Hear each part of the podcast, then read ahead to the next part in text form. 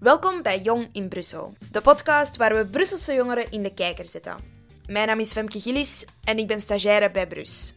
Zelf ben ik 19 jaar en val ik dus ook nog onder de categorie jongeren. Jongeren zijn de toekomst, dus onze verhalen moeten verteld en gehoord worden. Dat is dan ook exact wat we in deze podcast gaan doen.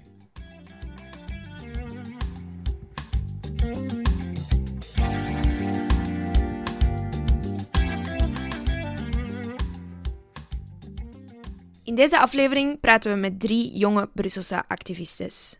Safia is 20, Fove is ook 20 en Eline is 17. Ze hebben best veel gemeenschappelijk. Buiten dat ze alle drie jong zijn, delen ze ook Brussel. Ze zijn hier opgegroeid en houden van de stad. Maar er zijn altijd dingen die beter kunnen. Dat weten Safia, Fove en Eline ook. Ik dacht van, nu is het genoeg. Nu moeten we beginnen praten en wakker worden. Ik vond dat er niet genoeg veranderde. Ik kon niet, me niet uitspreken over problemen die ik tegenkwam in het nieuws. Ik was echt boos, ik kon niet blijven stil zijn. Ik ben moe van gewoon te zien dat mensen ermee wegkomen. Het is 2021, dus soms raak ik wel een beetje geïrriteerd dat mensen het blijkbaar nog steeds niet weten. Safia is de hashtag Touche pas à mes études begonnen nadat vijf studenten van de Brusselse Hogeschool Francisco Ferré in 2017 naar de rechter trokken omdat ze het hoofddoekverbod op hun school discriminerend vonden. Uiteindelijk oordeelde het Grondwettelijk Hof begin juni 2020 dat het decreet niet discriminerend is en geen schending vormt van de vrijheid van godsdienst en of onderwijs. In normale taal wil dat dus zeggen dat je geen hoofddoek mocht dragen. En daar was Safia niet mee akkoord. In Brussel uh, kan je niet overal studeren met jouw hoofddoek. Uh, in het secundair mag dat ook niet. En ik dacht van, alleen nu voor studies ook. En iedereen leek dat normaal te vinden. En dat was gewoon kotspe. De hashtag Touche pas à mes études was heel succesvol. Het ging viraal en er werden meerdere protesten georganiseerd. Omdat het zo'n heisa heeft veroorzaakt op sociale media, lieten ook meerdere hogescholen en universiteiten weten dat ze niet akkoord waren met het gerecht dat iedereen bij hun op school welkom is, hoofddoek of niet. Dacht je dat het zo succesvol ging zijn? Eerlijk gezegd, nee. Uh, ik babbelde erover met vriendinnen en dan heb ik gewoon gedacht aan een hashtag, maar dat was meer om mijn woede te exprimeren. En ja, dan hebben we dat gewoon gelanceerd op Twitter en het is viraal geworden. Ook Eline heeft een succesvolle actie achter de rug. Ik heb mede een actie opgericht, een betoging voor de Fries Josafat met een vriendin. Het is 25 hectare groot en er zijn heel veel diersoorten die er leven. We willen dat die biodiversiteit gered wordt. De Friesje waar Eline het over heeft is gelegen in Schaarbeek, vlak aan het Josafatpark. De betoging kreeg wel wat media-aandacht en de petitie heeft al meer dan 14.500 ondertekeningen. Er wordt een nieuw plan uitgebracht en er wordt een publiek onderzoek gestart. Eline hoopt dat het nieuwe plan meer rekening houdt met de natuur. En als het niet het geval is, zullen we nog een actie plannen.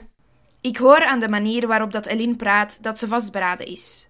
Net zoals Fove. Alleen staat Fove nog maar aan het begin van haar activistische carrière.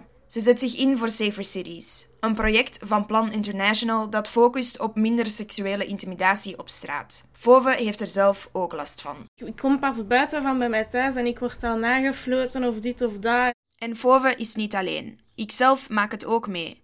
En vele andere vrouwen zullen er waarschijnlijk, spijtig genoeg, ook van kunnen meespreken. Recent zijn er cijfers uitgekomen dat maar liefst 97% van de vrouwen al last heeft gehad van een vorm van seksuele intimidatie. Als je dat cijfer hoort, verbaast u dat dan? Ik vond dat op zich echt wel veel. Ik dacht, veel vrouwen hebben dat meegemaakt, maar ik dacht zo, misschien 60, 70, er, zijn zo, er gaan toch vrouwen zijn dat dat nog geen die hebben meegemaakt. Maar toen ik dat hoorde, dan dacht ik echt van, eigenlijk heeft zo goed als iedereen daar een probleem mee gehad.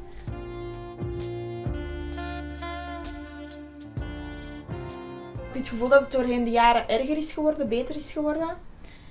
Ik denk dat dat gewoon altijd even erg is. Dat is gewoon om een bepaalde leeftijd dat je daar voor de eerste keer mee geconfronteerd wordt. Bij mij is dat 15, 16. Dus ik denk nu niet op zich dat dat erger wordt. Dat is gewoon een moment dat dat begint en niet meer stopt.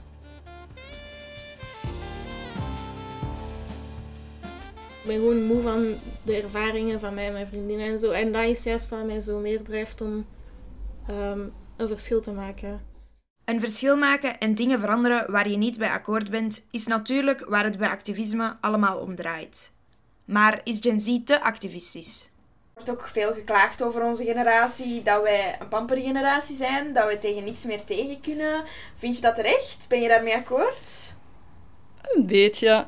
We klagen wel veel, maar we klagen over rechten die we zouden moeten hebben. Dus ja, zelfs als we erover klagen, denk ik dat het gewoon iets dat normaal zou moeten zijn. wij zouden pas een pampergeneratie zijn als wij niks doen.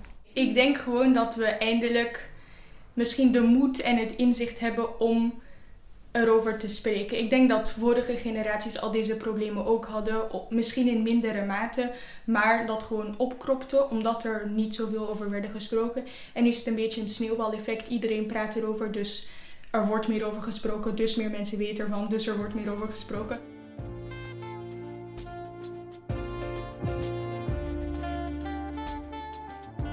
Vind jij dat onze generatie het beter of slechter doet in vergelijking met andere generaties qua activisme? Mm, ik hou niet echt van die termen van slechter of beter. Ik denk dat dat vooruit gaat. Uh, want ja, uh, stilletjes beginnen we ook meer bewust te, zijn over verschillende thema's. Dus ik denk dat we, misschien, dat we er misschien meer over praten, maar ik denk niet dat we beter of slechter zijn dan de andere generaties. Uh, ik denk dat we het op zich even goed doen, maar er zijn gewoon wel, denk ik, zo meer dat ook tegenactivisme zijn. Om de een of andere reden, ik weet niet waarom, maar er zijn mensen dat zich afvragen, maar waarom moeten vrouwen daartegen vechten? Ze moeten dat maar uh, ondergaan. En dan denk ik, maar dat is juist de reden dat we dat doen. Ben je trots om deel uit te maken van Generatie Z? Uh, ik kan daar niet echt iets aan doen natuurlijk. Ik heb niet gekozen om nu geboren te worden. Maar wat zo, als ik zie wat andere leeftijdsgenoten zowel bereikt hebben, zoals Greta Thunberg natuurlijk, maar ook andere mensen, dan ben ik wel blij om erbij te horen. We zijn een ehm, generatie dat anders wil doen dan de vorige. Ik denk dat Gen Z powerful is. we durven klagen over onze rechten, we durven zeggen waarmee we niet akkoord zijn. Wat vind jij dat wij als generatie nog beter zouden kunnen doen op vlak van activisme? Ik denk dat wij gewoon beter moeten begrijpen dat er ook verschillende meningen zijn. En je kunt wel, er zijn dingen zoals op basis van uh, basics, zo van gerecht en zo, vind ik dat je geen andere mening kunt hebben. Allee, dat, is gewoon, dat is gewoon gelijkheid. Ik snap niet wat daar verkeerd aan zou kunnen zijn. Want nu zijn vaak mensen echt, ze hebben hun mening, ook al zijn ze activist, en dat is de enige juiste. Maar je moet ook luisteren naar wat de anderen zeggen. Hmm, misschien denken we te veel in landen zoals België dat alles al opgelost is. Dat we al ja, super progressief zijn en oh, er is al legaal homohuwelijk, dus er is geen probleem. Maar we moeten inzien dat het ook hier dat er nog veel problemen zijn en dat die ook aangepakt moeten worden.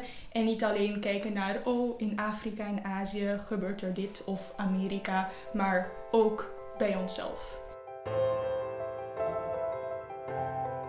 De meeste mensen denken van, uh, ja, als we er nu over praten, wat gaat het dan doen? Dan gaat het gewoon hetzelfde blijven. Het is al zo lang, dus uh, beter zwijgen. Ik vind, je moet daar gewoon tegen blijven vechten en duidelijk maken dat dat niet kan. Gewoon als je iets verkeerd ziet of iets dat mis is, gewoon er iets aan doen. Het activistisch werk dat je al hebt kunnen doen, geeft u dat veel voldoening? Ik vind van wel, want je hebt zo echt het gevoel dat je iets uh, doet in de wereld, ook al is het maar klein. Je gaat hopelijk een verschil maken. En dat is toch waardoor dat je er eerst aan begint. Ja, heel veel. Ik voelde echt ja, thuis. Het was gewoon mijn element. Ja, ik was daar heel blij van, want dat was ja, om, mijn woede een beetje te kunnen exprimeren. Maar dat was ook om mensen uh, te sensibiliseren aan dat. En dat uh, mensen bewust worden dat het gewoon niet kan. En ook dat ze moeten ja, praten en niet stil zijn. Ben je altijd al iemand geweest die opkwam voor zichzelf en voor anderen? Of was dat toen iets dat ineens uit het niks kwam?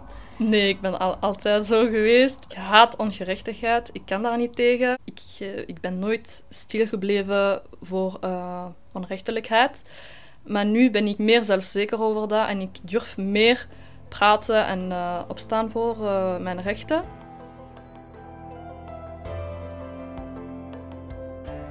Ten slotte vroeg ik nog aan Safia, Fove en Eline wat hun boodschap zou zijn als ze één ding konden meegeven. Ik zou zeggen, wees niet bang om je uit te spreken, want ook al denk je dat je weinig bereikt hebt of er niet genoeg van af weet, je kan altijd leren en zaadjes planten bij mensen. Want ook ik die, ja, ik heb geen duizenden volgers, ik ken niet zoveel mensen, heb al vaak berichtjes gekregen van mensen dat ze door mij geïnspireerd zijn geraakt. Dus je kan altijd een invloed hebben op mensen en maak daar gebruik van. We, hebben nog struggles met uh, onze hoofddoek op school soms. Ik ook. Uh, en als het niet op school is, is het op het werk. Dus blijf opstaan voor jouw rechten en laat er nooit iemand mee spelen, want jouw rechten zijn jouw rechten en niemand kan die afpakken. Dus ja, als je nu een hashtag moet lanceren, als je een protest moet beginnen of, whatever, doe het gewoon, want uh, er kan niks erger gebeuren. Sta op voor jouw rechten. Safia, Fove en Eline veranderen elk de wereld op hun eigen manier. Want alle beetjes helpen. Wie weet worden we op een dag wel wakker in een wereld waar meisjes wel met hun hoofddoek naar de middelbare school mogen. Een wereld waar het milieu wordt meegerekend in elke beslissing en wij niet meer worden aangefloten op straat. Bedankt voor het luisteren naar deze aflevering van Jong in Brussel. In de volgende en laatste aflevering praten we met Doreen. Ze is 14 jaar en heeft al drie jaar een eetstoornis. Hopelijk tot dan!